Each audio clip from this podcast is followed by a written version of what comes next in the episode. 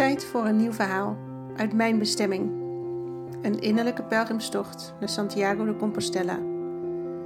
Na halverwege is dit het tweede boek wat ik uit heb gebracht met al mijn avonturen op de Camino, noorden van Spanje. En ik hoop dat jullie weer net zo lekker met me mee kunnen lopen bij deze verhalen. Ga je mee?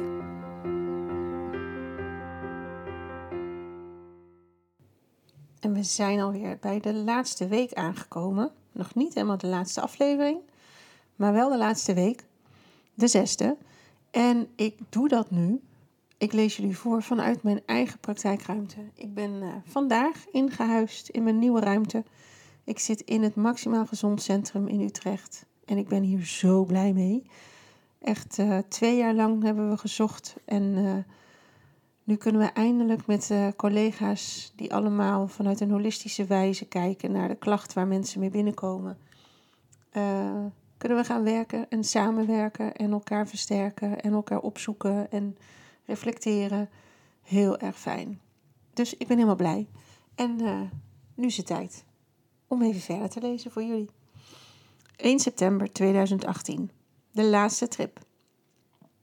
Over een krappe twee maanden ga ik weer richting Spanje. Ik moet de vluchten nog even boeken, maar het basisplan staat ergens achterop een envelop geschreven. En daarmee wordt het meer en meer realiteit. Wat een gek idee. Jullie hebben al begrepen dat sinds mijn eerste tocht naar Spanje zo ongeveer alles in mijn leven veranderd is. En ook weer verrassend veel hetzelfde gebleven. Gelukkig, want ik hou van tradities. Ik heb niet alleen wandelend een reis gemaakt, maar ook op mentaal vlak ben ik door diepe dalen en tot hoge hoogtes gegaan. Ik kan me nog steeds niet voorstellen wat voor een groei ik heb doorgemaakt de afgelopen jaren. En natuurlijk horen daar ook dipjes bij. Maar als ik nu zes jaar terugkijk, dan voel ik me echt compleet anders en tegelijkertijd meer en meer mezelf. Het voelt als een thuiskomen dat zo vertrouwd is. Ook buiten de wandelpaden heb ik zoveel nieuwe, mooie mensen ontmoet mensen om zielenverhalen mee te delen. Of om gewoon onbeschaamd mee te lachen. Heb flink gewerkt aan mijn familiesysteem, zodat het daar nu beter stroomt. Doordat dingen die gezien mochten worden ook gezien zijn. En ze zijn gevoeld, dat niet te vergeten. Maar ook de vertrouwde gezichten hebben meer betekenis gekregen. Ik heb ze nog dieper in mijn hart gesloten. Een hart dat steeds meer open durft te gaan en dat de sterkste raadgever van mijn keuzes is geworden. En dat steeds meer kan ontvangen ik geloof niet dat mijn ontdekkingspad ooit klaar zal zijn. En dat is oké. Ik mag blijven groeien en leren en fouten maken, dat ook. Alleen al het besef dat ik nu fouten bij fouten mezelf niet afkeur, dat voelt zowel even onwennig als heel erg zacht en fijn. En daar blijf ik vrolijk in dooroefenen. Ook in mijn werk zal ik blijven ontdekken. Wat past bij me, wat niet, wat werkt en wat niet. Hoe meer ik voor mezelf ga staan, hoe beter het loopt op dat vlak. Dat blijft een mooie uitdaging, waar ik doorlopend in gespiegeld word. Maar wat ben ik in en in dankbaar voor de mensen die ik al heb mogen begeleiden. En wat ben ik trots op wat zij hebben bereikt daarmee. En ik ben enorm nieuwsgierig naar wat er nog meer komen gaat. Over krap twee maanden ga ik mijn wandeltocht afronden. Ik kan niet wachten. Ik ben er klaar voor. Maar ik vind het ook spannend om aan te komen op mijn eindbestemming. Want wat dan? Maar ik weet zeker dat er daarna weer iets anders moois zich aandient. En mocht ik je per ongeluk geïnspireerd hebben ook zo'n stap te ondernemen en jezelf zo'n cadeau te gunnen, dan bedenk je je, je leven gaat nooit meer hetzelfde zijn. Buen Camino. 18 oktober 2018. Oniva. Mijn tas staat klaar, gepakt en wel. Het lijkt of ik elke keer minder spullen meeneem. Want ook nu heb ik weer ruimte over. Wat zal die over een week zwaar genoeg voelen hoor. De wandelschoenen zijn warm gelopen met korte stukjes hier in de wijk, maar in ieder geval niet meer zo koud als vorig jaar.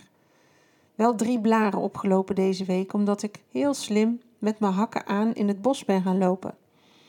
Maar met een goede kompiet erop zou dat moeten gaan. Overmorgen knettervroeg vertrek ik. Het wordt mijn laatste etappe. Barb uit Canada en Mary uit Ierland hebben woord gehouden.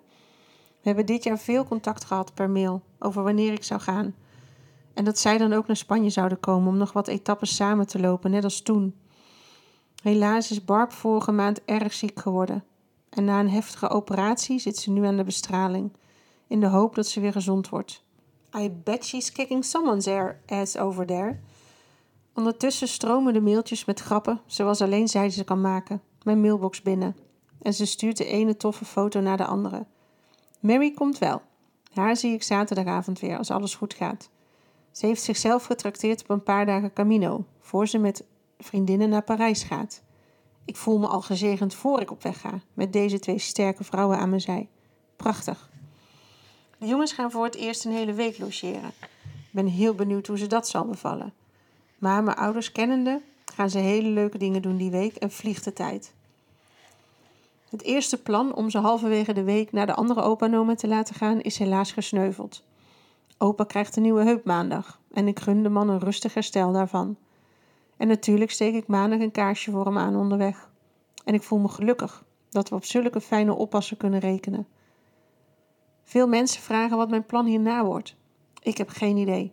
Er zijn nog zoveel Camino-routes te lopen en andere lange afstandsroutes in Europa. Maar ik ben niet per se een diehard wandelaar die elke 10 minuten in een boekje wil kijken of ik op de goede weg zit. De Camino Frances is echt heel goed aangegeven met gele pijlen. Ik zal me er later in verdiepen of dat ook voor de andere wegen geldt. Maar het kan ook zomaar een retraite worden, of een detox, of een mooie cursusreis naar het buitenland. Dat komt allemaal later wel. Eerst die Compostela op zak. Voor nu is mijn blik op Spanje gericht. De laatste 150 kilometers van mijn trip. En dan kan er een dikke vette vink op mijn bucketlist. Ik zal daarna ook een tweede boek maken van de afgelopen drie jaar aan blogs. Wat ongetwijfeld net zo'n bestseller wordt als het eerste boek. maar wat vond ik het leuk dat die er was. Vindbaar bij bol.com. En ik ben op dit moment bezig met een CD, Mindfulness en Meditatie voor Kinderen. Dat is ook weer zo'n enorm tof project. Toen ik in 2015 stopte met mijn werk, beloofde ik mezelf vooral bezig te gaan met leuke uitdagingen. En dat gebeurt. Elke dag weer. Spreek jullie later. 20 oktober 2018. Vroegdag. De avond voor vertrek eten we hapjes in de keuken. We kletsen wat af en kijken daarna een grappige film samen. Heerlijk nog even cocoonen voor vertrek. Als ik de jongens naar bed doe, wordt grote smurf ineens heel stil. Ik hoor hem snikken in zijn bed. Hij wil niet dat ik ga. Hij gaat me missen en dat wil hij niet. Ach, manneke. Ik vertel hem dat ik ook heel veel aan hem ga denken. En ook waarom deze tocht zo belangrijk is voor me. Hij wordt iets rustiger. Ik weet niet of hij het nu snapt of heel hard aan het wegduwen is. Bellen heeft hij liever niet. Prima kerel. Maar ik ben er voor je als het nodig is. Altijd. In alle vroegte scheuren we over de A2 en A9 naar Schiphol. Heerlijk zo vroeg in de ochtend. Dan is de luchthaven echt een wereld op zich met mensen die al uren wakker zijn en vaak met heel veel spanning aan hun reis beginnen. Maar toch is het in de ochtend een stuk bedaarder dan later op de dag. Als sjeest menig familie me voorbij met een hypergillende moeder dat iedereen bij elkaar moet blijven, of met boze, boosheid over hoe ontzettend slecht ze zojuist behandeld zijn. Jongens, relax, je gaat op vakantie. Niemand dwingt je om te gaan. Geniet van het vooruitzicht van een weekje waarschijnlijk zon of zo. In het vliegtuig word ik langzaam wakker, of eigenlijk doezelig de meeste tijd nog niet helemaal klaar om de dag te beginnen. Ik moet op een of andere manier heel veel denken aan mijn rugbeers. Dit jaar ben ik trainer en coach van het team van mijn UK. Ik vind het geweldig om te doen, maar ik merk dat ik er thuis ook wel veel mee bezig ben. En ik weet nog niet of dat een goed teken is of juist niet. Ik wil graag dat ze het goed doen en ik wil ze meegeven wat ik weet, zodat ze later als ze groot zijn een goede basis hebben gehad. Maar misschien vragen we ook wel te veel van ze en gaat het gewoon om lol maken en komt die techniek en het spel in zich later pas. Sommige spelers lijken geboren rugbiers en anders die zijn, anderen zijn bang voor contact. En in de oefeningen doen ze dan goed mee, maar in de wedstrijd geven ze zichzelf een positie aan de buitenkant, weg van de drukte. Ik snap het ook wel. Ik zou zelf voor geen goud mezelf op de grond laten duwen door iemand, vijf keer achter elkaar. Dat lijkt me vreselijk. En toch boeit het spelletje me enorm en krijg ik er elke week veel energie van langs de lijn. En wat ik echt gaaf vind, dat zijn die vorderingen die de jongens maken. Ze leren heel veel en raken steeds beter op elkaar ingespeeld. Elke eerste wedstrijd lijkt het even warm draaien, maar daarna pakken ze het weer helemaal op. Dat is mooi. Maar andere smurfen is inmiddels aan het badmintonnen. Wie had dat gedacht dat mijn oude sport door mijn eigen kind zou worden opgepakt? ik niet. Maar hij vindt het leuk en het is precies voldoende teamsport voor hem, zonder meteen druk met een bal te hoeven doen. En hij doet het ook goed. Misschien iets stijver dan je zou wensen, maar hij krijgt goed inzicht in het spelletje. Laatst vroeg hij me zelfs of ik nog tips voor hem had. En sterker nog, toen ik ze gaf, voerde hij ze meteen uit. Dat was voor mij ongekend terrein. Hij is altijd zo enorm autonoom. Bewonderenswaardig misschien, maar voor ouders soms ook wel eens lastig. Als je nooit mag laten zien hoe je veters moet strikken of hoe je je jas dicht kunt doen, nooit tips mag geven voor een oplossing. Maar nu bij badminton mocht het wel een keer. Ik vond het een eer. En hij won het potje ook nog. Dus werd hij zelf ook nog beloond. Ik voel me wel een beetje dubbel deze keer, nu ik naar Spanje afreis. Gek dat het de laatste keer is. Hoe zou het zijn om dit echt af te ronden? Maar ook ben ik trots dat ik het heb volgehouden. En zei vanochtend in de auto ook nog hoe gaaf het is dat we dit zes jaar hebben kunnen doen. Elk jaar een cadeau aan mezelf. En ook hij geeft me een cadeau door onvoorwaardelijk achter me te staan. En me zo nu en dan eens aan te sporen om toch echt weer te gaan boeken.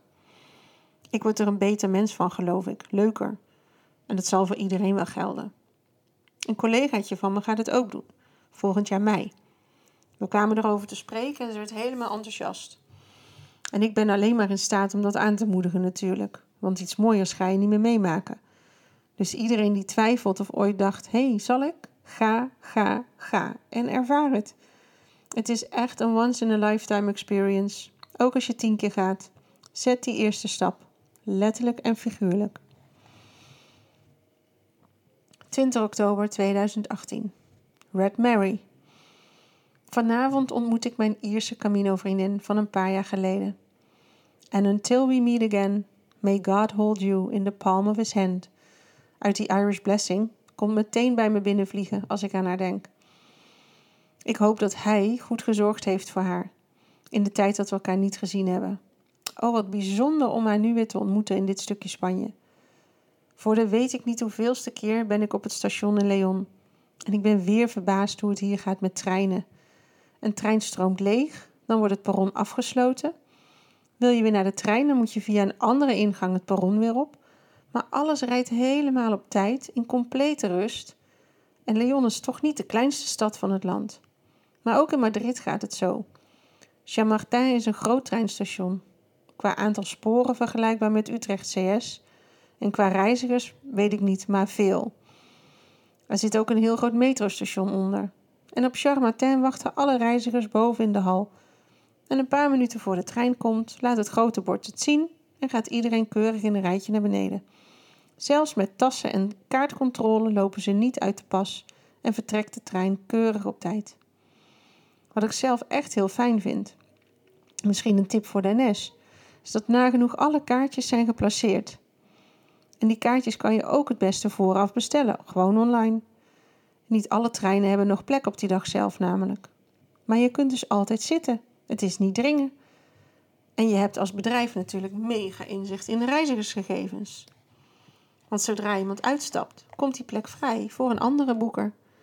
Nadeel is dat als je net te laat bent met boeken, je gewoon niet mee kan en dikke vette pech hebt. Maar toch vind ik het een dikke plus ten opzichte van Nederland. Je ziet ook echt van veel mensen echt lange afstanden reizen. Dat scheelt ook weer files op de weg. Er komt zo net een conducteur langs om te kijken of iedereen aan boord is. U gaat toch naar Ponferrada? Si, zeg ik in mijn beste Spaans. Oké, oké, helemaal top is het niet. Ik hoor de conducteur omroepen dat het volgende station Ponferrada is. Maar als de trein stilstaat en ik snel mijn rugzak omgooi, blijkt het toch een ander stationnetje te zijn. Eentje waar niemand in of uitstapt, dus ik wacht maar bij de deur. Want hoe lang kan dat duren als je net hebt omgeroepen dat het volgende station Ponferrada is? Twintig minuten ongeveer heb ik daar gestaan. Ik durfde op een gegeven moment ook niet meer de cabine in, overactieve pelgrim die ik daar ben. Eenmaal op de goede plek had ik weer contact met Mary. Ze had een heerlijk hostel geregeld voor ons. De bus vertrekt echter pas om drie uur. Dus ik moet nog een kwartier met de taxi onderweg zijn en besluit dat maar meteen te doen, want dan ben ik tenminste snel op mijn eindbestemming. En ja hoor, koud uit de taxi zie ik de rode Ierse lopen. Wat een heerlijk weerzien. We gaan meteen verder waar we vier jaar geleden gebleven waren. Echt zo te gek. Een goddelijk fijn en gezond menu Pellegrino wordt voor ons bereid aan de overkant. En we tikken samen een flesje Vino Tinto weg. Och, heerlijk om weer terug te zijn in Spanje. 21 oktober 2018. Een hijgend paard. Na een redelijke nacht starten we rustig op. Vooral Mary is daar heel goed in. En ik moet van binnen weer heel hard lachen. Ik had mijn tas gisteravond al zo goed als gepakt. En zij had alles nog uitgestald op bed. Alles in de tas, de helft er weer uit, omdat ze iets vergeten was. Tas dicht. Oh, de kamersleutel. Hm, dat zou wel in dat ene tasje zitten. Vier tassen er weer uit. En ja, daar was de sleutel. Alles er weer in. Tas dicht. En toen was er toch nog een beetje was over. Dat moest er ook nog in. Dus weer alle tassen eruit. En daarna bleek toch dat echt alles in de tas zat. Tas dicht en gaan. Echt heel leuk om te zien dat mensen gewoon hier in alle rust mee om kunnen gaan. Ik ben het niet. Om kwart over acht nemen we een ontbijtje aan de overkant en gaan daarna op weg. De zon is al op, maar de bergen zijn prachtig gehuld in mist en ochtendgloren. Hoewel John Brearley, die van de Camino-bijbel, het heeft over een vlakke etappe, ren ik puffend en hijgend achter Mary aan. Achter elke hoek schuilt een steil stuk omhoog of naar beneden. En het eerste uur staat het zweet me op de rug. Ben ik al tig keer buiten adem geweest en voel ik me behoorlijk naïef om hier zomaar op 1300 meter hoogte te gaan lopen zonder oefening. Nou ja, een oefening die alweer een jaar geleden is. Maar de uitzichten waarop we getrakteerd worden maken het meer dan waar. Waard, natuurlijk.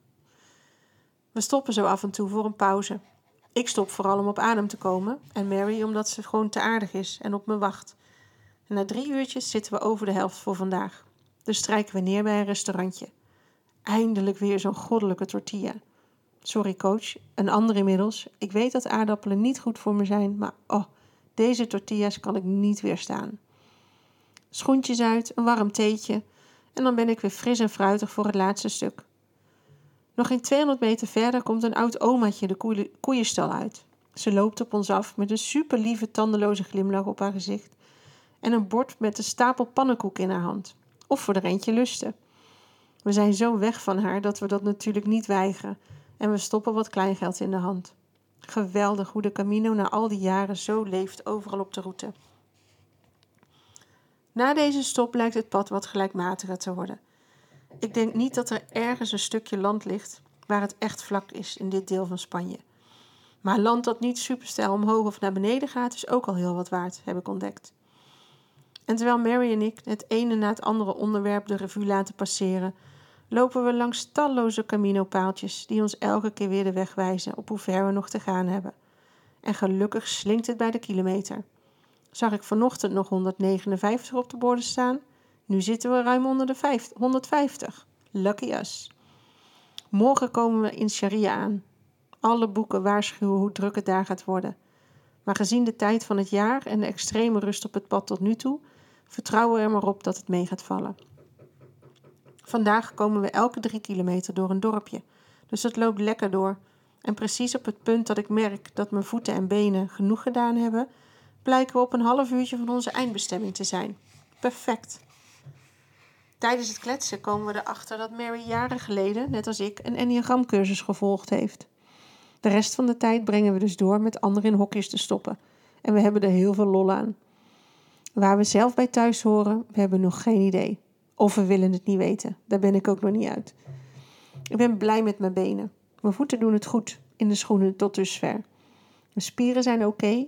De rugzak is licht. So far, een hele goede eerste dag.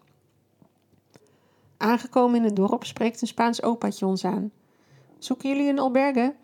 Je moet naar die ene gaan tegenover de supermercado. Prima, beste man. Toegegeven, is niet het meest aantrekkelijke, maar gewoon een modern gebouw. Maar alle faciliteiten zijn er en we doen het ermee. We kopen wat biertjes en chips in de supermercado en gaan op een bankje in de knetterende zon zitten bij de rivier. Wordt het leven beter dan dit? I don't think so. Veel mensen die meelezen en me succes wensen via de appjes. Een boodschap meegeven om hier achter te laten. Geweldig. Het voelt echt als een privilege om hier te mogen lopen. En as we speak ben ik even in de huiskamer aan het typen, waar zojuist een andere Peregrino zijn biefstuk heeft laten aanbranden, terwijl de afzagkap van de keukenstuk is. Maar buiten dat, Het is hier fantastisch en ik hou van jullie allemaal. 22 oktober 2018. Elfjes en trollen. Wat een waanzinnig mooie dag vandaag. Niet alleen het weer, maar ook de tocht is werkelijk prachtig. Sowieso werd ik uitgeslapen wakker. Dat is wel eens anders geweest in de slaapzaal. Maar ik heb deze keer supergoed geslapen. En we starten de dag weer rustig op. Het voordeel van zo laat in het seizoen is dat niemand meer haast heeft. Dit keer krijgt Mary het ook zo waar voor elkaar om haar tas in één keer in te pakken. En voor we het weten verlaten we het hostel. We nemen een ontbijtje in hetzelfde restaurantje waar we gisteravond menu Pellegrinos hadden. En rond kwart voor negen zijn we weer op pad. Buiten dat ik na elke bocht weer behoorlijk buiten adem ben door het klimmen, grijp ik de kans om van het uitzicht te genieten. En boy, wat is het hier mooi. De dauw die opstijgt uit de bergen en de zon die elke minuut lang wat warmer wordt. Het is echt prachtig. Eigenlijk komen we sneller dan verwacht al aan op de Alto, dus het is goed voor ons zelfvertrouwen. We hebben een lekker tempo.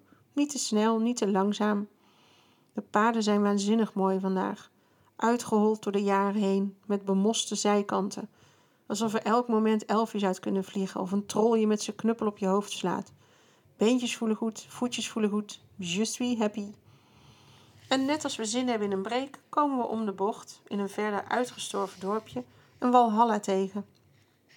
Een groep jongeren had een oude smidse overgenomen en deze adeodativa opengesteld voor pelgrims. Er is koffie en thee in een jampotje, sap, fruit, gekookt eitje en een heerlijke bananencake. Er zijn grote banken om even in te hangen en achterin is een soort meditatieplekje. In de tuin staan en hangen lijststenen in allerlei soorten en maten met de meest prachtige boodschappen erop geschilderd. Pelgrims worden uitgenodigd hier een schelp achter te laten, samen met hun zorgen of datgene in hun leven wat ze niet meer dient. Ik besluit ook mijn schelp hier achter te laten en schrijf mijn boodschap erin. Wat fijn om dat hier zo op te mogen hangen in deze boom. Na een korte break stiefelen we weer verder. Op en neer, maar niet zo heftig als in de morgen. We komen onderweg weer een plekje tegen, zoals we er in 2014, toen Barb erbij was, heel veel tegenkwamen. Dus we maken er ons eigen restaurantje van en nuttigen ons water en wat noten. Een Amerikaan, natuurlijk, die snapt mijn grap niet als hij vraagt waar er een restaurant is in het dorpje en ik hem op ons onderkomen wijs. Twee dorpjes verder komen we een goede plek tegen voor de lunch. Wanneer we onze tortillas bestellen, horen we de Amerikaan en anderen aankomen. Mary vertelde gisteren al dat je Amerikaan altijd eerst hoort en dan pas ziet. Nou, dat klopt dus ook. Elke keer weer. Deze Amerikaan kan gewoon niet zacht praten. Hij schreeuwt tegen iedereen die voorbij loopt een van de Camino-groeten. Of gewoon, we're eating tortillas. Of, this is perfect. En dan dus echt heel hard, zodat je zelf plaatsvervangende schaamte voelt. Een beetje zo hard en absurd dat hij lacht als Caesar Flickerman uit de Hunger Games. Oh, oh, wat een karakter, hè, brengt dat land voort. Later vertelt Mary me dat hij predikant is. Dat verbaast me geen seconde. Tijdens de lunch krijg ik een appje van mijn grote smurf. Hij vraagt of het goed gaat met me. Zeker, mijn lieve schat. Zeker nu ik van jou een berichtje heb. Een klein uurtje verder komen we in Saria, het startpunt voor velen. Ik ben moe, maar ik voel ergens dat ik nog wel door wil. Ik heb geen idee waarom, want ik ben bang dat ik te veel ga vragen van mijn voeten. Het is al na half vier. We rusten even om op adem te komen na een hele gemene klim over 50 traptreden. Die voelde als honderden. We proberen nog even de kerk te bezoeken, zodat ik een kaarsje kan aansteken voor mijn schoonvader. Hij heeft vandaag zijn operatie. Maar helaas, er is geen plek in de kerk voor deze pelgrims. Dan maar op pad naar het volgende plaatsje. We zijn allebei een beetje stil onderweg. Alsof we het maar ondergaan, omdat we weten dat we niet terug kunnen. We lopen over een verlaten spoorwegovergang en drinken ons laatste water. Net daarna blijken we nog een fikse klim voor de boeg te hebben, dus dat betekent veel adempauzes voor mij. En Mary doet heel lief weer mee. We worden halverwege getrakteerd op een eeuwenoude boom, die inmiddels zo is uitgehold dat je er letterlijk in kunt klimmen. En wie zijn wij om dat niet te doen? Nog een stukje omhoog, nog even een weiland overheen en dan zien we langzaam wat daken in zicht komen. Yes, bijna. Rond kwart voor vijf lopen we bij de albergen naar binnen en zijn verrast om te zien in wat voor paradijs we nu weer terecht zijn gekomen. Waarom stond hier niks over in de gids? Het voelt als een cadeau om hier binnen te wandelen. Er is een keuken die zo een minuutje voor ons maakt. En we hebben tot nu toe een kamer voor onszelf. Ik denk niet dat er nog heel veel zullen komen gezien het tijdstip. Dus zie je, de Camino brengt je elke keer precies wat je nodig hebt. Dat was het eerste deel, jongens. Volgende week mijn aller, aller, allerlaatste avonturen in Spanje. Tot nu toe, hè? Want zeg nooit, nooit. Geen idee wat het me nog allemaal gaat brengen.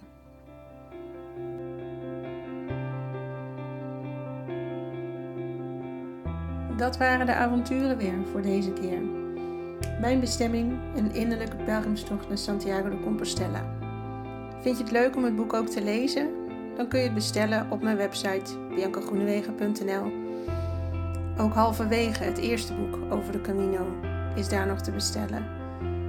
En wil je meer weten over de Camino, kan je altijd even contact opnemen. Mocht jij ook die droom hebben om dat te gaan doen, doe het. Echt, het is het mooiste cadeau wat je jezelf kan geven.